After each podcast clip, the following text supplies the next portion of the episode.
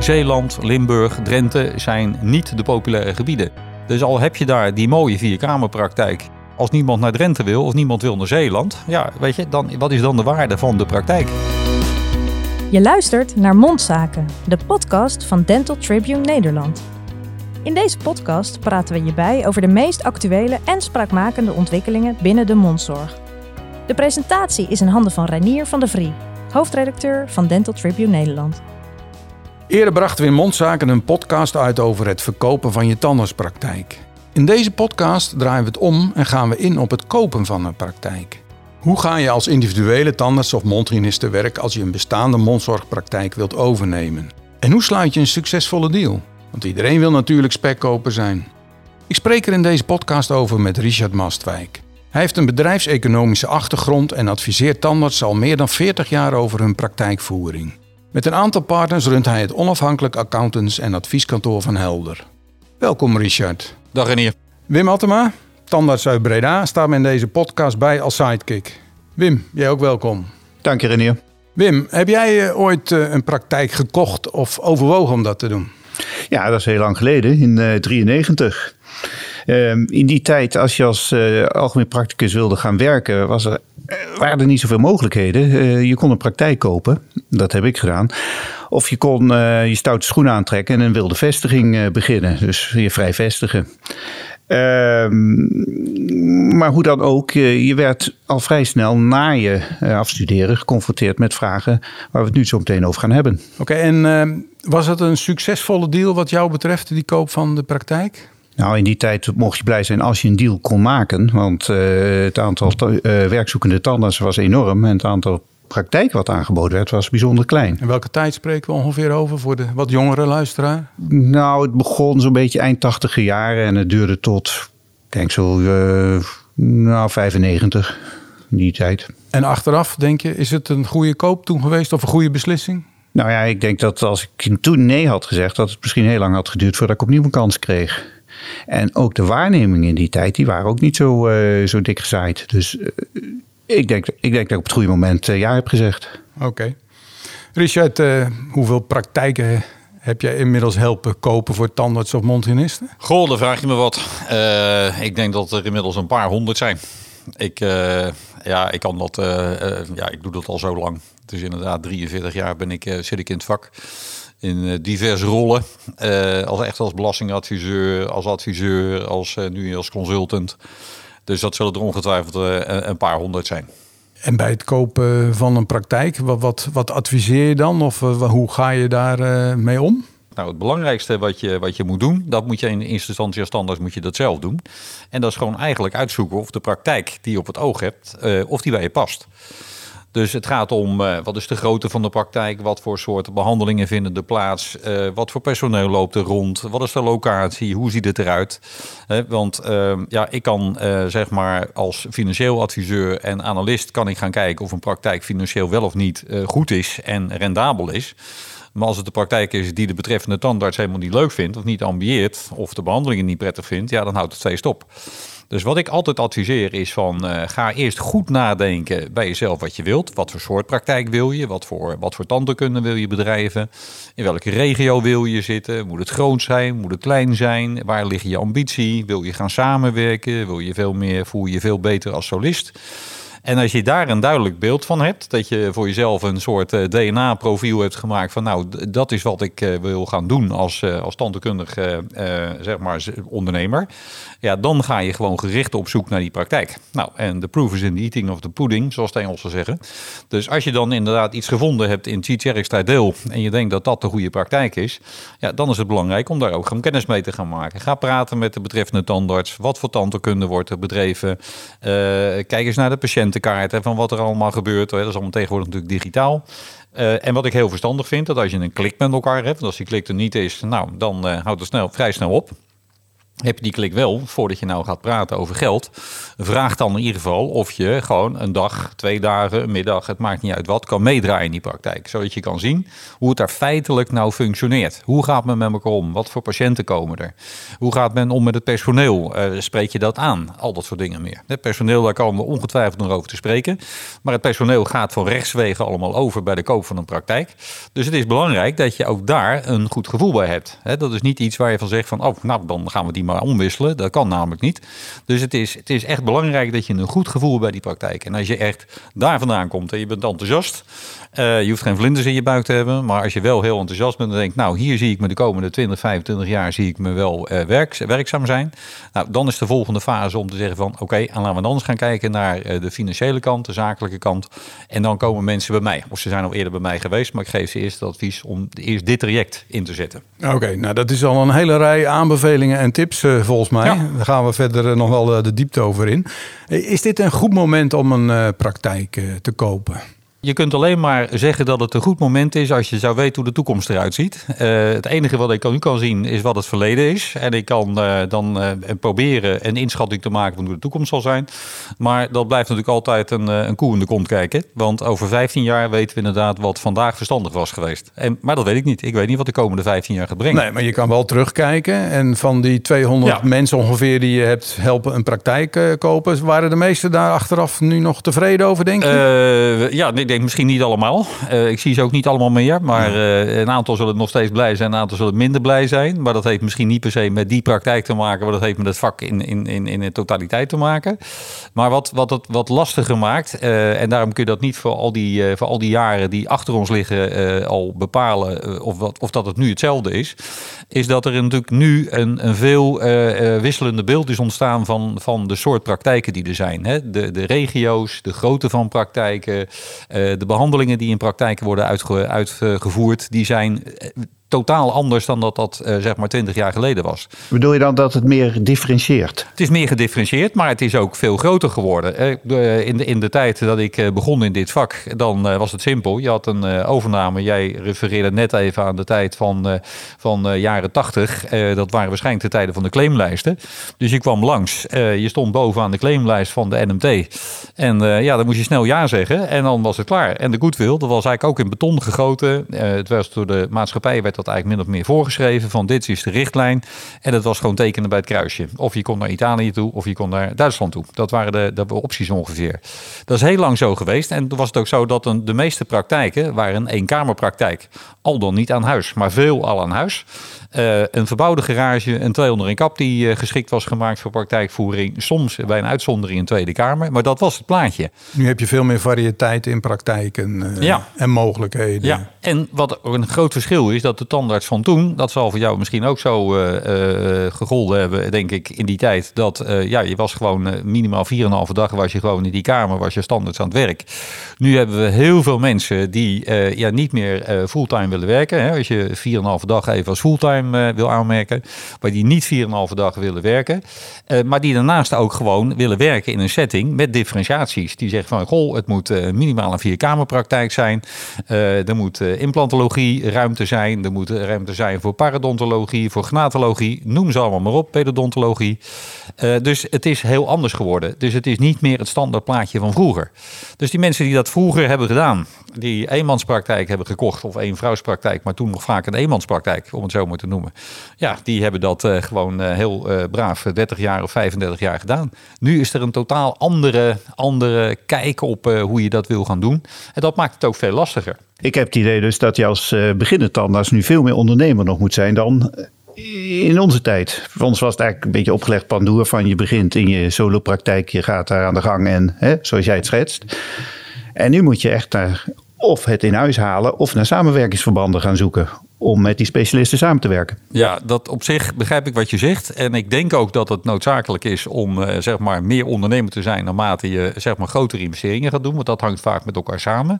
En de praktijk waar we praten van, uh, van 20 of 25 jaar geleden, de solopraktijk, nou, met de verbouwde garage en huis. Daarmee was het, uh, het investeringsniveau beperkt. En als je nou zorgde dat je een goede accountant naast je had staan en je deed gewoon goed je werk, dan, dan was er eigenlijk gewoon geen ondernemersrisico. De tarieven waren vastgesteld, alles was gewoon gewoon eigenlijk heel simpel.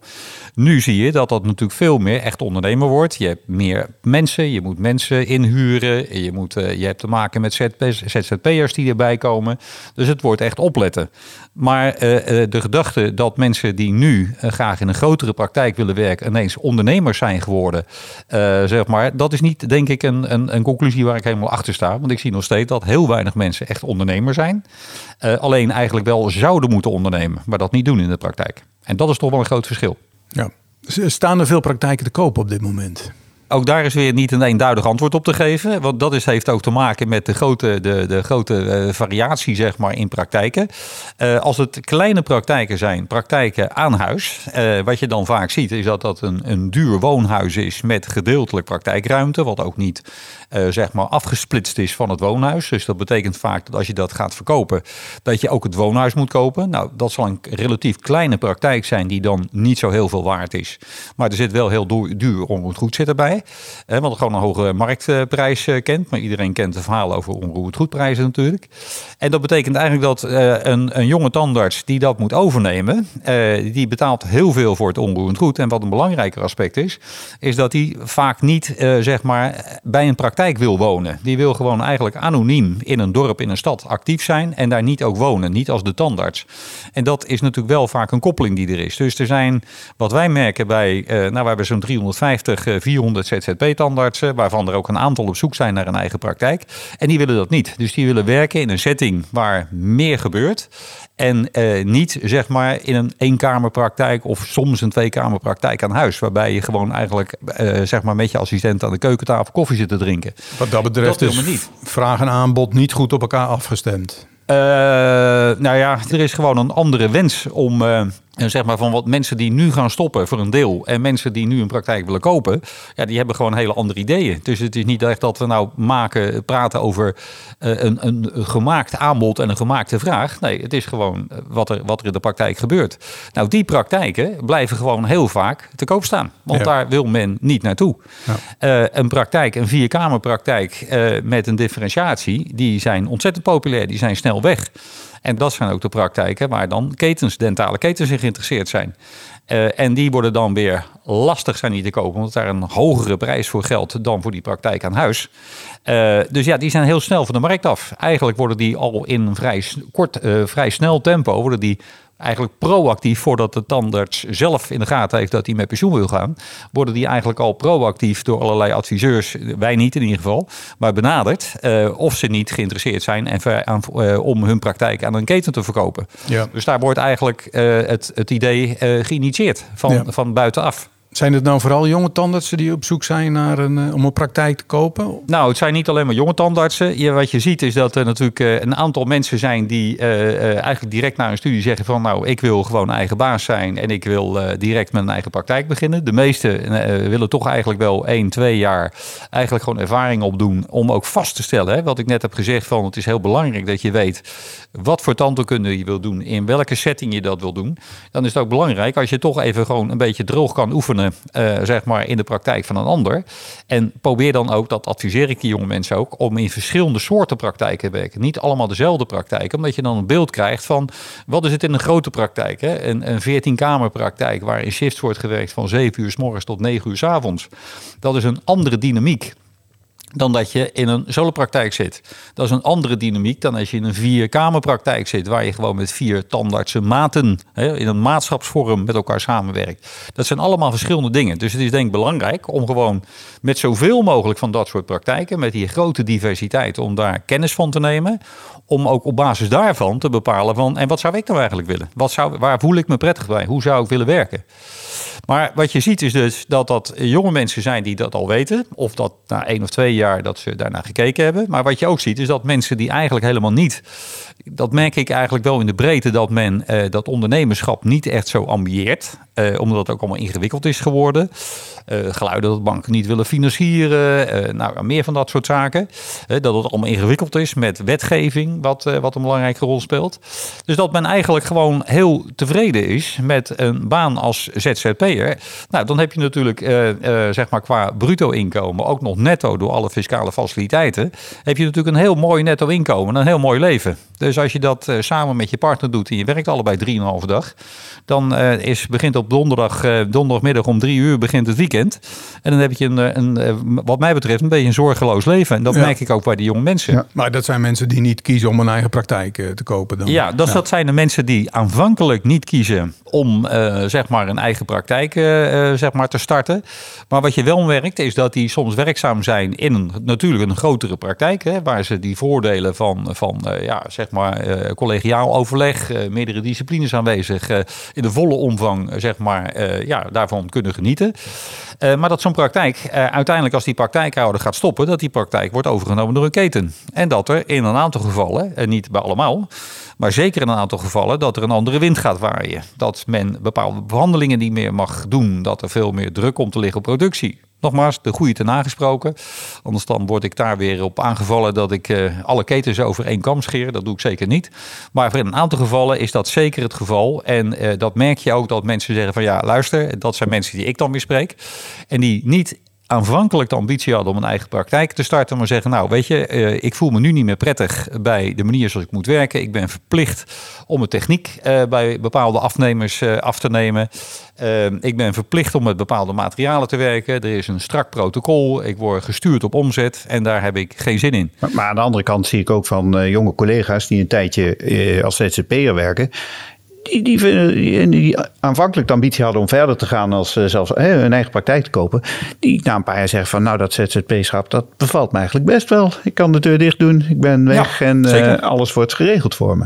Zeker. Nou ja, ik, ik, nogmaals, ik denk dat, dat, uh, dat, dat, uh, dat er uh, natuurlijk verandering is. Het is zeker niet meer zo dat, dat iedereen die, die afgestudeerd is, dat die, zoals dat vroeger in jouw tijd, denk ik, ben wel het geval was, van ja, je bent tandarts en dus heb je gekozen voor zelfstandig ondernemerschap. Dat was eigenlijk een, en niet omdat je nou echt zo puur zang ondernemer was, maar zo was nou eenmaal de organisatie ingericht.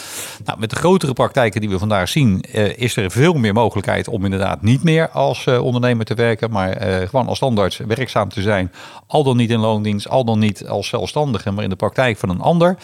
Uh, maar toch zie je wel dat er uh, veranderingen komen. En uh, een van de dingen die we ook in de podcast hebben besproken over de wet DBA, en die ligt nog steeds op de loer, die is nog steeds niet weg, uh, is dat uh, ja, die zelfstandigheid van ZZP'ers al jaren ter discussie staat. En uh, wat ik eerder heb aangegeven, op het moment dat je niet meer als fiscaal zelfstandige zou werken, maar je zou dus inderdaad een praktijk waar je werkt als werknemer uh, gaan komen, en je hebt daarmee het verlies van je fiscale faciliteiten, dan kan dat tussen de 18 en de 24.000 euro netto per jaar kan dat uitmaken. Dus dat zou een reden kunnen zijn als dat in nou, het ZZP-schap Dat zou niet de reden kunnen zijn. Ik denk dat dat inderdaad gewoon een keiharde reden is. Dat mensen zeggen van als dat niet gecompenseerd is, uh, wordt door de praktijkhouder. En daar is de ruimte gewoon denk ik niet voor aanwezig om dat te kunnen compenseren in de bruto sfeer.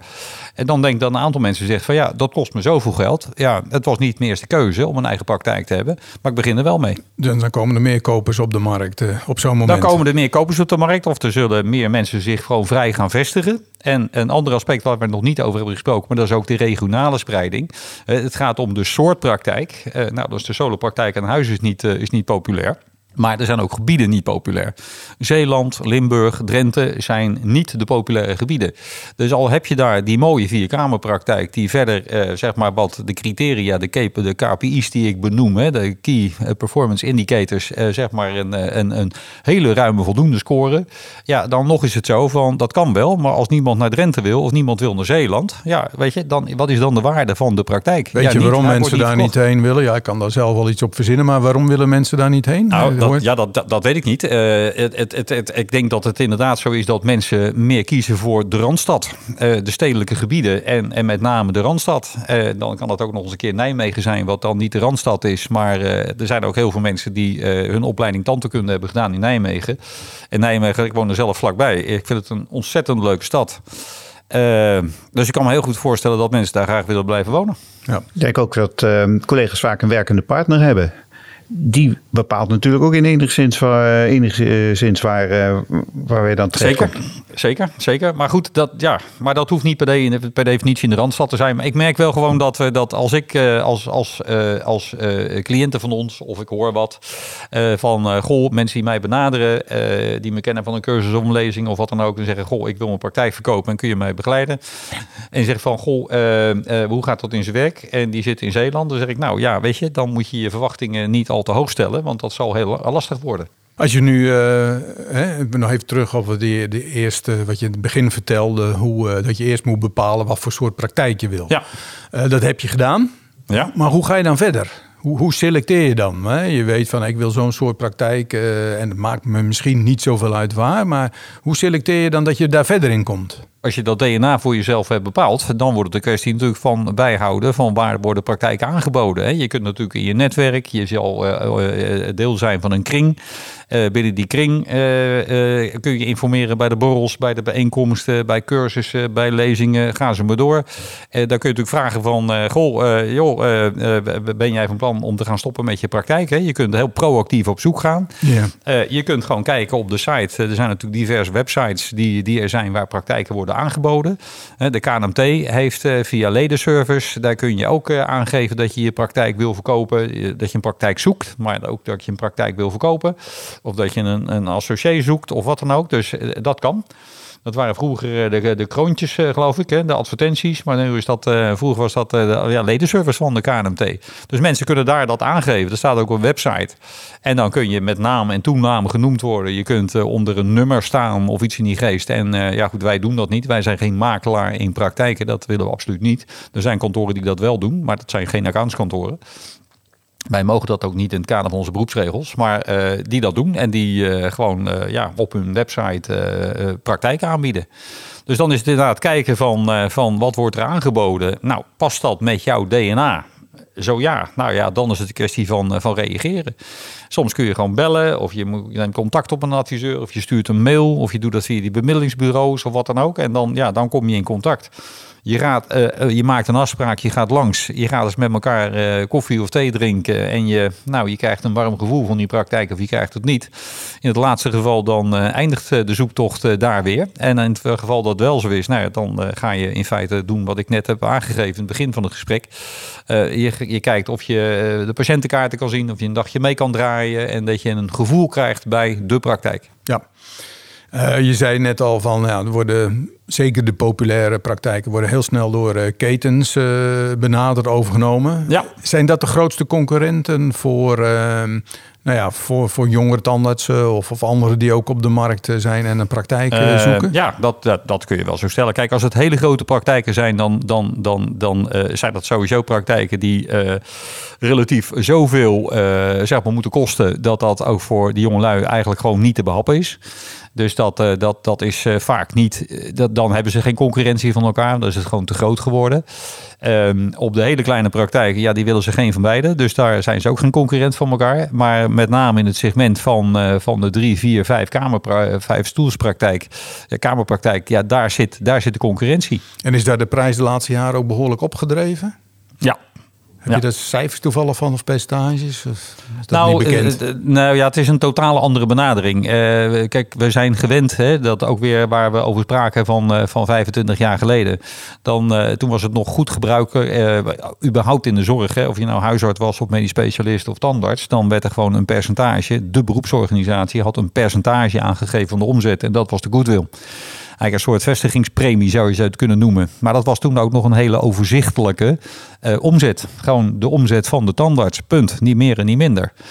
En de een doet wat meer en de ander doet wat minder. Maar dat zit binnen een bepaalde bandbreedte. Is dat eigenlijk een soort vastgegeven. Nu zie je dat natuurlijk praktijken veel groter zijn. Met die differentiaties. Maar met taakdelegatie, mondtechnische, preventieassistenten, parapreventieassistenten.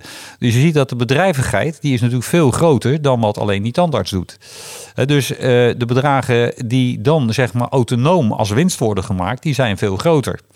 En uh, dus uh, daar past ook. En uh, vanuit die ketens die zeg maar actief zijn geworden op de, op de kopersmarkt, om het zo maar te zeggen, die gaan van een hele andere benadering uit. Dus dat, dat een percentage van de omzet of een percentage van de winst, wat in de nadagen van de, de, afdeling advies op maat van de KNMT toen nog aan de orde is geweest, ja, die laten dat helemaal los en die gaan naar een hele andere benadering. En die kijken naar het EBITDA. Het EBITDA, dat is ook voor de meeste mensen een onbekende term. Het is een Engelse term uit de bedrijfseconomie. Het staat voor earnings before interest, taxes, depreciation en amortization. Eigenlijk zoveel als de winst plus rente en afschrijving en belasting. Nou, dat is in feite de EBITDA. Dat is eigenlijk de operationele cashflow die je in een onderneming hebt. En daar wordt een multiple aan gehangen. Noem het in Nederlandse factor.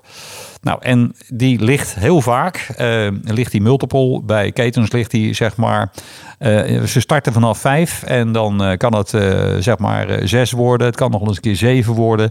En dat zijn bedragen die gewoon niet te doen zijn. Jonge mensen die, of, gewoon tandartsen die dat bij de bank moeten lenen. En waar ik altijd in adviseer om dat ook in vijf jaar tijd terug te kunnen betalen aan de bank. En de banken eisen dat in feite ook wel, dat het in vijf jaar tijd terugbetaald kan worden. Ja, dan kom je op multiples uit van, uh, van 3,5. En als het een keer een hele gunstige kosten-omzetverhouding is, hè, door een lage huur, door lage andere kosten, ja, dan zou het zo kunnen zijn dat je eens een keer op een multiple 4 uitkomt. Maar je hebt dus altijd een gat van, uh, ja, zeg maar een multiple 2 2,5, 3 ten opzichte van een keten. En dat kun je ook gewoon als... Uh, als, als, individuele uh, tandarts of als klein nee. groepje tandarts Of je, je hebt echt een hele lieve, rijke suikertante die zegt van... nou, ik doe er ook een paar ton bij en uh, dat hoef je niet terug te betalen. Maar, maar dan is, dat, is het de vraag of dat bedrijfseconomisch ik vind van niet. verstandig is. Nee, nee, en ik adviseer mensen ook om dat niet te doen. En ik doe dat met enige regelmaat. dat ik zeg van, ik maak me daar soms niet populair mee. Maar zeg van, oh, bij jou moet alles, bij jou is alles te duur. Nee, ik neem mijn verantwoordelijkheid die ik heb richting cliënten, neem ik eh, die neem ik zeer zwaar. Eh, zwaar en ik, eh, ik adviseer mensen niet om financieel trapezewerk te doen. Nee. En als nou een clubje van drie of vier jonge collega's bij je komt, zegt van nou. Nou, dat gebeurt met enige regelmaat en die begeleid ik ook heel vaak. En vaak zal het ook nodig zijn, omdat het gewoon nooit door één tandarts alleen gedaan kan worden. Maar of je het nou met, met alleen het niet kunt betalen, omdat die EBITDA gewoon te laag is, hè, gerelateerd aan, aan het, de koopsom. Of je doet het met z'n vieren, dat maakt geen verschil. Uh, de prijs is gewoon in absolute termen is die dan te hoog. En dat kun je alleen niet betalen, maar je kunt dat ook niet met z'n vieren kun je dat betalen. Dat maakt niks uit. Wat hoort er nou eigenlijk precies bij de koop van een uh, praktijk? Oh, dat ligt er ook weer aan. Hè? Want je, je hebt natuurlijk verschillende soorten uh, verkopen van praktijken. Maar als je praat over, uh, zeg maar, een EBITDA benaderingen, zoals ketens dat doen, dan zeg je, nou, het is eigenlijk de totale onderneming. Het is de ondernemingswaarde die bepaald wordt. Dus als je, zeg maar, een, een EBITDA hebt van, noem eens wat, 200.000 euro. En je hebt een multiple 5 die je overeenkomt, dan spreek je af dat het een miljoen waard is. En een miljoen is dan voor alles, behalve het onroerend goed. Dus daar zit in principe in alle dentale hardware de inventaris, de automatisering, de voorraad. Uh, en de goodwill zit erin. En dat is bij, uh, we hebben ook nog twee vormen van overdracht. We hebben een activa-passiva overdracht en we hebben een aandelenoverdracht voor zover die praktijk in een BV-vorm zou worden uitgeoefend. Maar normaal gesproken is het uh, meest gangbaar is een activa-passiva. Dus dan betekent dat de oude vorderingen, de oude schulden, dus de schuld aan de tandtechnieker, die gaat niet mee over. De vordering op de factoringmaatschappij, die gaat niet over. Dus je haalt echt die dingen eruit. Maar die zitten allemaal in die koopsom van bijvoorbeeld dat miljoen. Uh, heb je het over een normale overdracht, uh, wat even normale overdracht tussen tandarts en tandarts, zoals we dat kennen, dan is dat anders. En dan ga je eigenlijk alle losse elementen ga je benoemen. Dan zeg je, goh, we hebben dentale apparatuur. Nou, hoe gaan we die waarderen? Nou, dan wordt daar heel vaak wordt daar een, dent een dental depot voor gevraagd om daar een waarde voor te bepalen. Dus dan komt er uh, iemand van een bureau die zegt van nou prima, we gaan kijken wat die stoelen waard zijn, wat de OPT waard is, wat het dak en de, en de röntgen, noem alles maar op, waard is. En uh, daar komt gewoon een taxatierapportje voor de inventaris, de tafel waar je over praat, stoeltjes in de wachtkamer. Uh, dat is eigenlijk gewoon, en ook de automatisering, hè, dus hebben we het over computers, printers en dat soort dingen, die gaan meestal tegen de fiscale boekwaarde. Hè. Die uh, wordt afgeschreven in vijf jaar. Nou, een tafel is na vijf jaar niet nul waard, maar een computer is in feite na twee jaar is die wel nul waard. Dus dat middelt elkaar een beetje uit. Dus daar wordt heel vaak met de fiscale boekwaarde wordt gewerkt. Ja. De voorraad, uh, ja, dat is eigenlijk heel makkelijk. De voorraad wordt gewoon geteld op de, op de datum datum van de praktijkoverdracht. Je telt gewoon de ongeopende verpakkingen. Niet de losse servetjes nog die aan de stoel liggen, maar de ongeopende verpakkingen, handschoenen. Je kijkt of het nog binnen, past binnen de houdbaarheidsdatum en of het courante voorraad is. Dus als er nog een paar emmers met almogaan staan die heden ten dagen niet meer gebruikt worden, dan blijven die buiten de waardering. En dan doe je dat tegen de inkoopprijzen die op dat moment gelden. Dus waar kun je het vandaag voor kopen? En dan heb je die prijs bepaald. En dan heb je los daarvan, heb je natuurlijk de goodwill. Nou, en dat is waar ik me in de praktijk mee bezig hou. En dan zijn er diverse manieren. Uh, er is geen richtlijn meer vanuit de beroepsorganisatie. Daar zijn ze mee gestopt. Ook in verband met mededingingsautoriteiten. Dus het is nu aan het veld overgelaten. En nou, je komt een aantal, vaak dezelfde adviseurs tegen in het veld. VVA en, en Sibbing en Waterler en ik en nog een aantal partijen. En wij hanteren eigenlijk een mix van, van een aantal methodes. En dat is dan de oude KNMT-methode. Een percentage van de gestandardiseerde, genormaliseerde winst. Ehm, een methode die eigenlijk in de nadagen van de KNMT is eh, bedacht en die door VVA is overgenomen, maar nu weer een beetje wordt losgelaten, is dat je eigenlijk zegt van wat is nou je normale arbeidsbeloning die je ook als standaard in een andere praktijk zou kunnen verdienen. En daar laat je die oude KNMT-norm op los. En dan kijk je naar de overwinst. Hè. Wat zit er nou eigenlijk als ik, los van wat ik nou zelf doe als standaard, wat zit er eigenlijk in als extra? Hè, de slagroom op de taart. Ja, en die wordt natuurlijk met name gevormd door ja, hoeveel taakdelegatie vindt er plaats in die praktijk. Is er inderdaad uh, preventieassistenten, uh, parapreventieassistenten. En dan kun je zeggen, ja, naarmate dat eigen inkomen uh, zeg maar gelijk is of zelfs minder is dan de overwinst die erin zit, dan wordt er over die overwinst wordt weer een factor bepaald. Nou, en die heeft men ooit uh, een keer bedacht nog bij de KNMT van 0,5 tot 1,5. Nou, in de praktijk doet iedereen ermee wat hij ermee wil doen. Het zit niet in beton gegoten. En dat is een vorm. En daarnaast hebben we dan als laatste nog maar je vroeg net even naar de vormen van overnames. Dat kan ook zo zijn dat het een kaartenbak-overname is. Hè. Ik noem dat maar altijd onparlementair een kaartenbak. Nou, die kaartenbakken zijn er niet meer in de fysieke... Uh, dus de patiëntenbestand hebben we het dan ja, over. patiëntenbestand. Hè. Dus eigenlijk dat je zegt van nou, de praktijk die bijvoorbeeld aan huis uh, wordt gevoerd... Ja, die wordt niet meer overgenomen. Dus uh, de praktijk wordt gewoon ingericht als, als woonruimte. de praktijk wordt gewoon verplaatst naar, of wordt overgenomen door een keten in de buurt of een collega die van twee kamers naar vier kamers is gegaan, naar zes kamers is gegaan, die eigenlijk patiënten kan gebruiken. En die zegt, nou, ik wil die kaartenbak wel overnemen. En dan wordt er gewoon een bedrag per patiënt betaald. En nou, en dat is weer uh, ja, afhankelijk zeg maar, van de regio waar het, uh, die het betreft.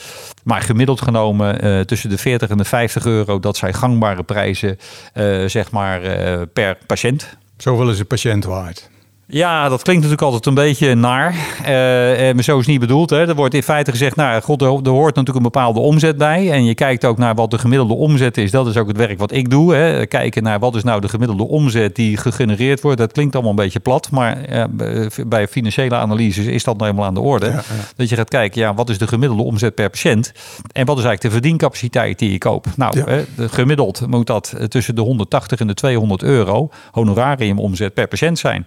Uh, koop je dan een praktijk waarbij inderdaad gewoon hele rudimentaire tandheelkunde plaatsvindt, het trekken van kiezen en mensen die met pijnklachten komen, ja, dan betaal je daar geen, uh, geen 50 euro voor. En dan zul je zeggen, ja, weet je, het is natuurlijk een, uh, je ziet het ook, hè, het patiëntenbestand, hoe frequent die mensen komen. Komen die gemiddeld één keer in de negen maanden of komen ze één keer in de drie jaar? Ja, ja dat is wel een verschil vaak is het ook zo dat betaald wordt voor de patiënt die daadwerkelijk overstapt. Ja, maar dat is een beetje afhankelijk van, uh, van uh, zeg maar het uh, tarief wat, wat geldt. Hè. Wil, wil de verkoper je inderdaad een heel hoog tarief hebben. Zegt van ja, maar ik moet 70 euro hebben. Nou, dat kan dan. Maar dan gaan we ook inderdaad ook alleen maar afrekenen voor de patiënten die komen.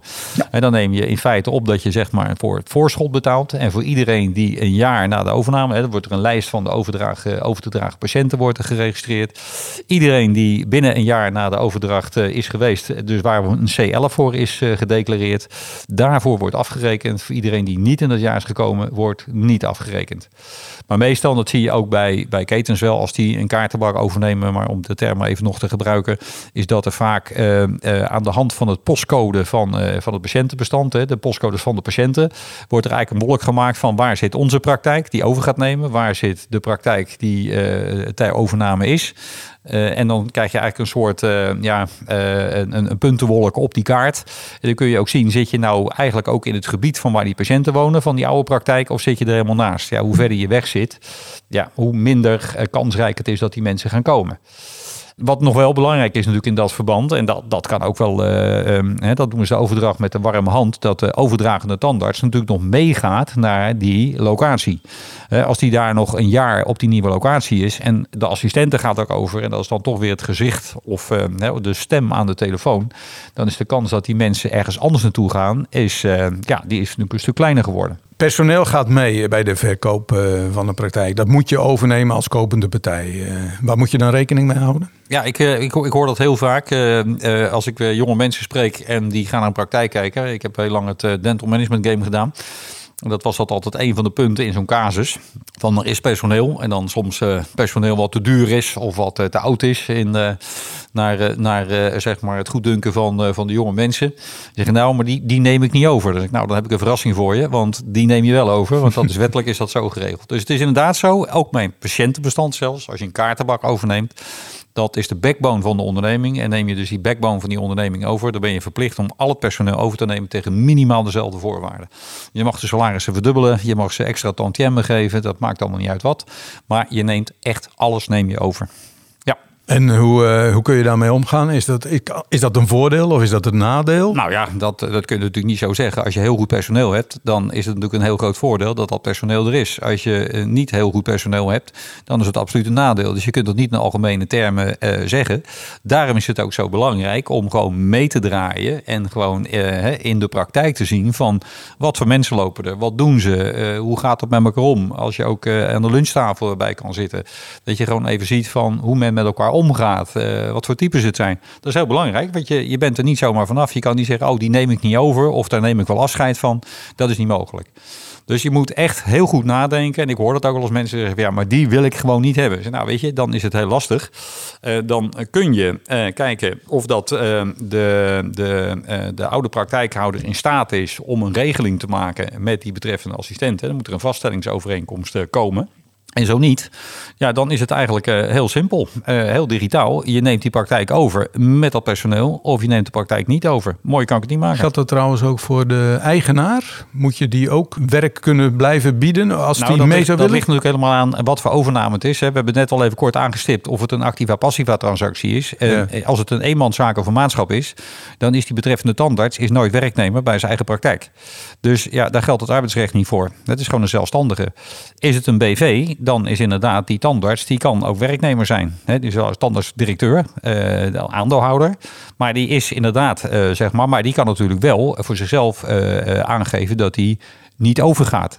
Dus uh, als ik de contracten maak, en ik maak meestal bij de overdracht van een praktijk, maak ik ook die contracten, dan uh, neem ik ook een bepaling op dat al het personeel gaat van rechtswegen over, maar dat eventuele arbeidsovereenkomsten van de praktijkhouder, dan met naam genoemd, hè, dat moet ook even naam genoemd worden, dat is dan vaak de BV die de partij is, maar dat uh, de betreffende meneer of mevrouw en eventuele familie. Want er staan ook vaak uh, kinderen of uh, partners staan op de loonlijst die effectief niet, soms niet al te veel doen, maar in ieder geval wel een beloning daarvoor krijgen. En dat zijn gewoon arbeidsovereenkomsten. Dus heb je dat niet geregeld, dan gaan die van rechtswegen ook over. Ja, maar die kun je wel uitsluiten. Het is een behoorlijke puzzel dus. ja, je koopt niet zomaar even een nieuwe auto of een, of een nieuw bankstel. Nee, nee, ik denk dat het kopen van een auto en een bankstel aanzienlijk eenvoudiger is dan het kopen van een praktijk. Ja, daarom zou ik ook niemand adviseren om dat uh, om dat zelfstandig te doen. Richard, het komt ook wel eens voor dat er een eh, praktijk gedeeltelijk verkocht wordt. Terwijl je hebt een BV en uh, de, de koper heeft, uh, koopt een meerderheidsaandeel. En de bezittende uh, collega blijft een minderheidsaandeel houden. Nou, dat zal ik in de regel zal, zal dat niet voorkomen. En niet als ik adviseer. Want ik adviseer sowieso niet om aandelen over te nemen. Dus dat je partieel de aandelen overneemt, dat zal ik nooit doen. Ik wil eigenlijk is mijn voorkeur altijd om naar een activa-passiva transactie te gaan.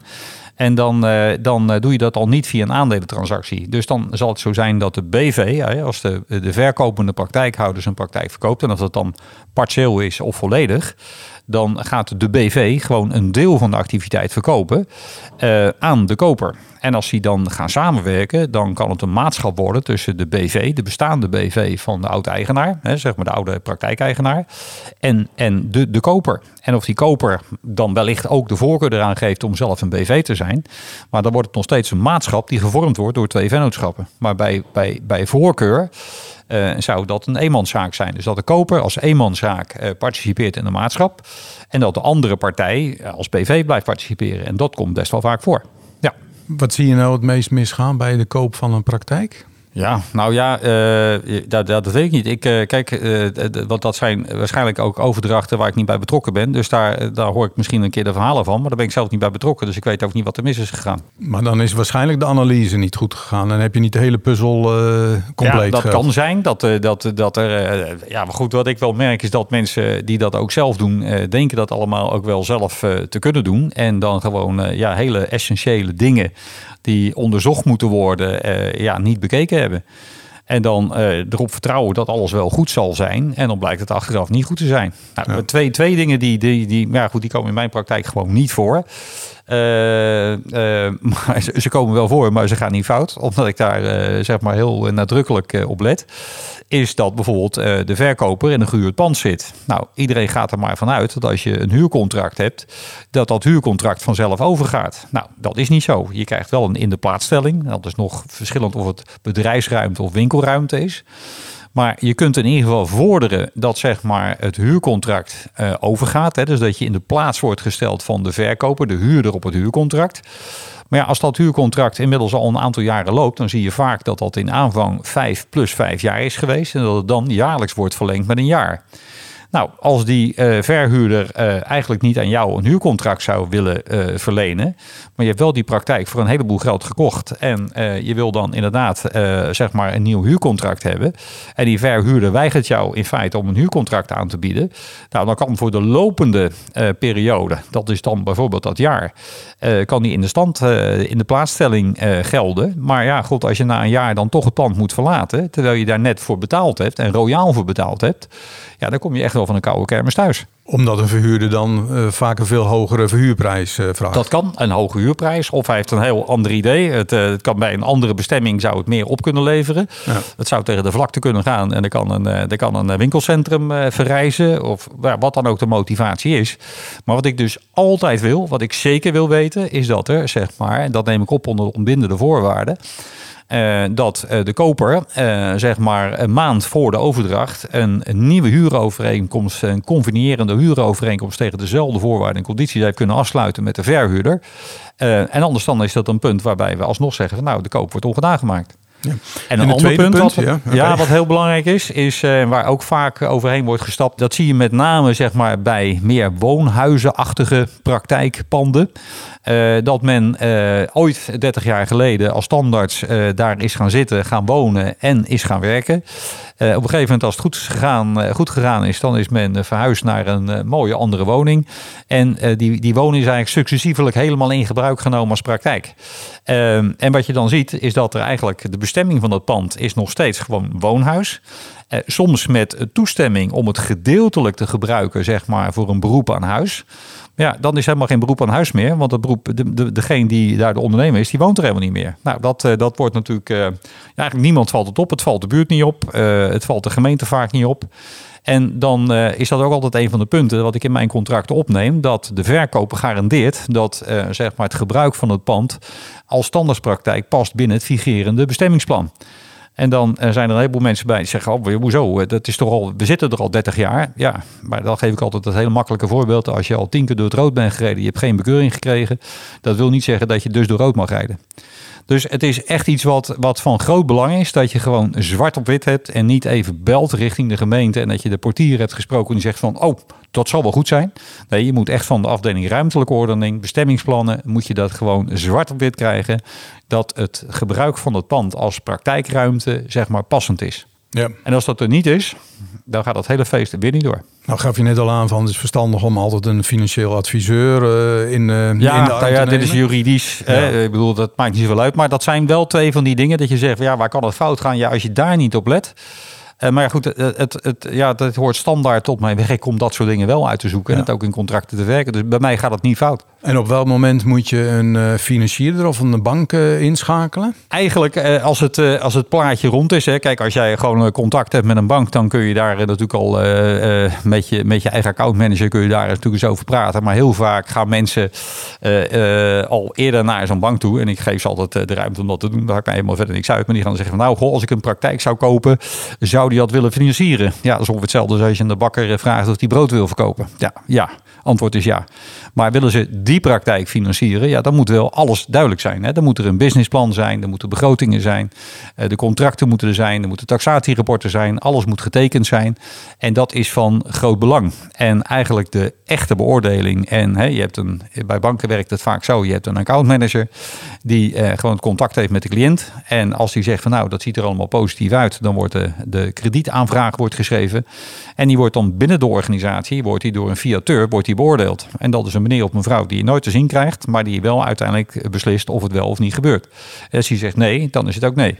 En is het 100% financiering, is dat mogelijk? Of moet je toch eigenlijk eigen geld meenemen als je een nee, in, in principe, in principe is het zo dat, uh, dat het eigenlijk altijd uh, zeg maar 100% te financieren is.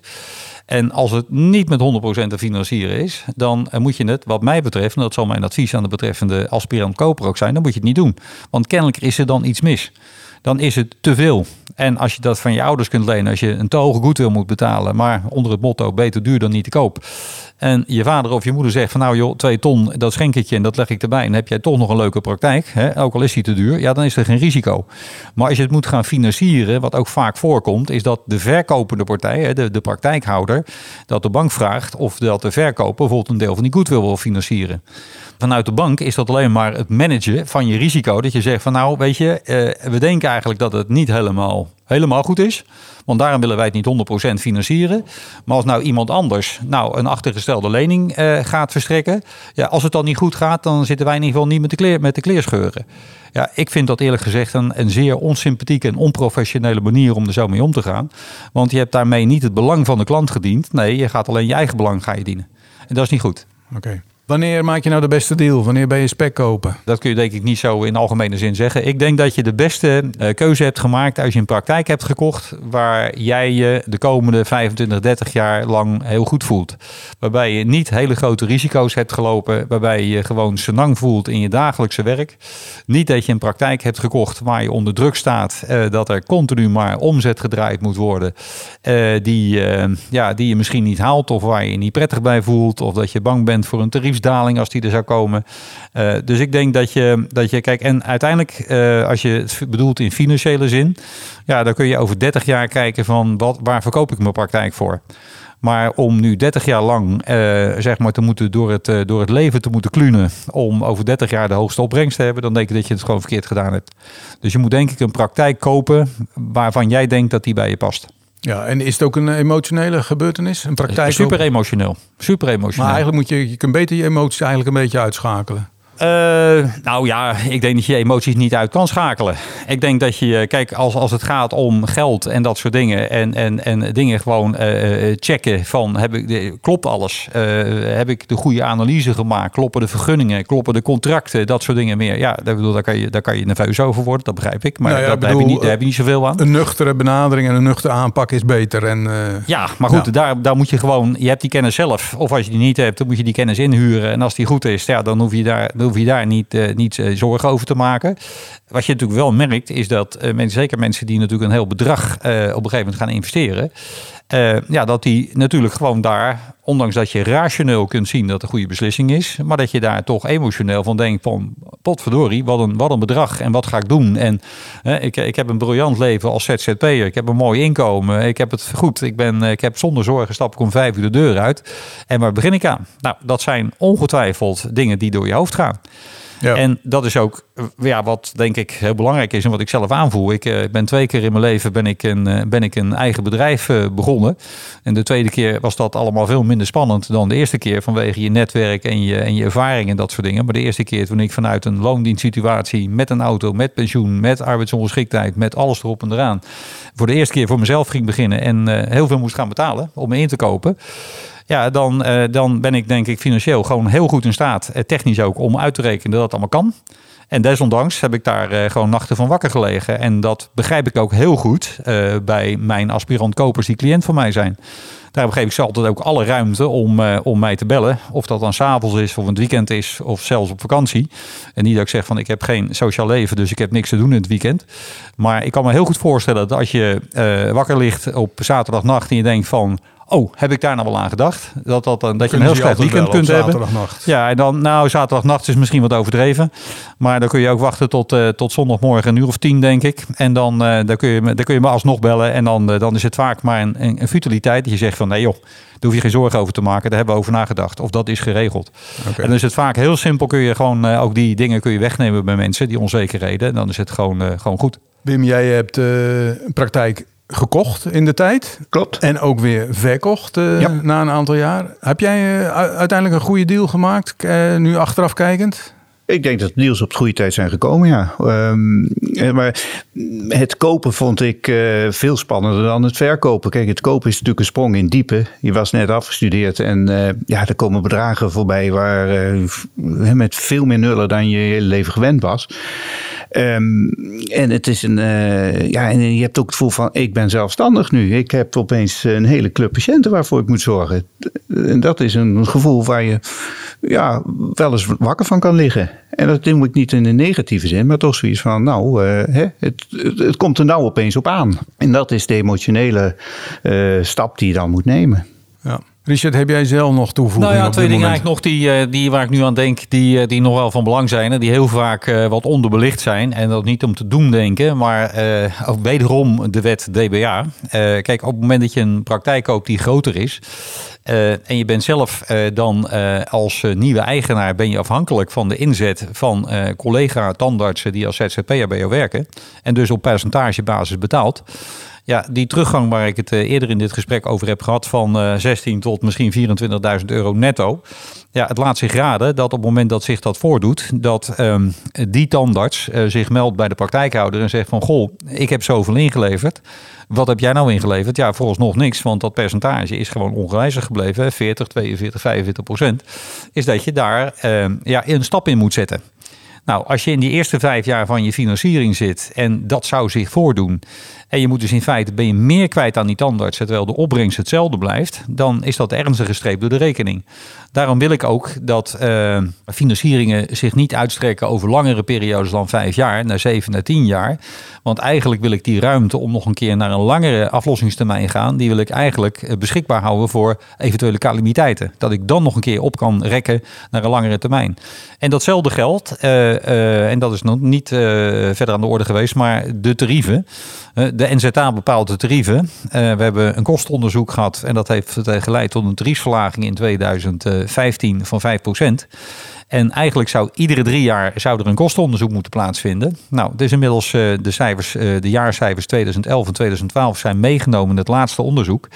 We leven vandaag in 2022, dus er had al lang een kostenonderzoek moeten plaatsvinden. Dat is niet gebeurd. Maar dat Eh, kan elk moment weer een keer nou, op, ja, poppen. er zijn op dit moment geen geluiden dat het gaat gebeuren. Maar als het gebeurt, dan, ja, dan zou het best wel weer denkbaar zijn dat er een tariefsverlaging komt. Eh, dus dat zijn wel twee dingen waar je als praktijkeigenaar geen invloed op hebt. En die je wel kunnen overkomen. Dus zou het zo kunnen zijn dat je personeel duurder gaat worden.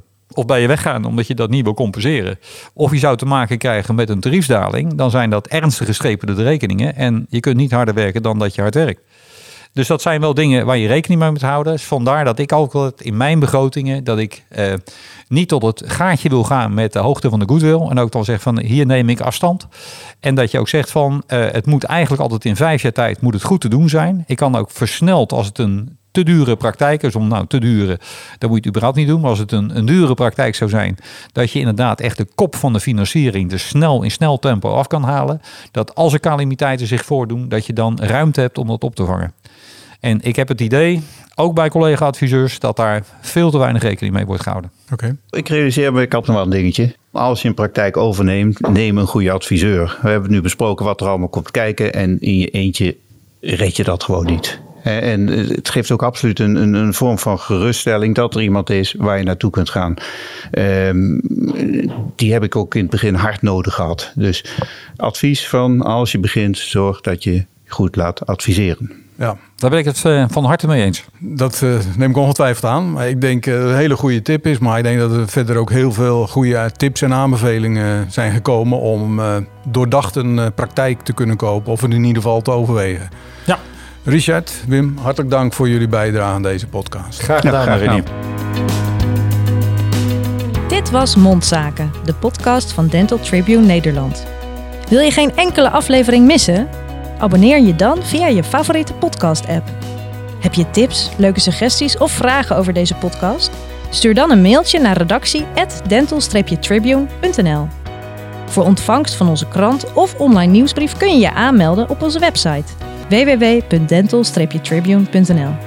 Graag tot de volgende podcast.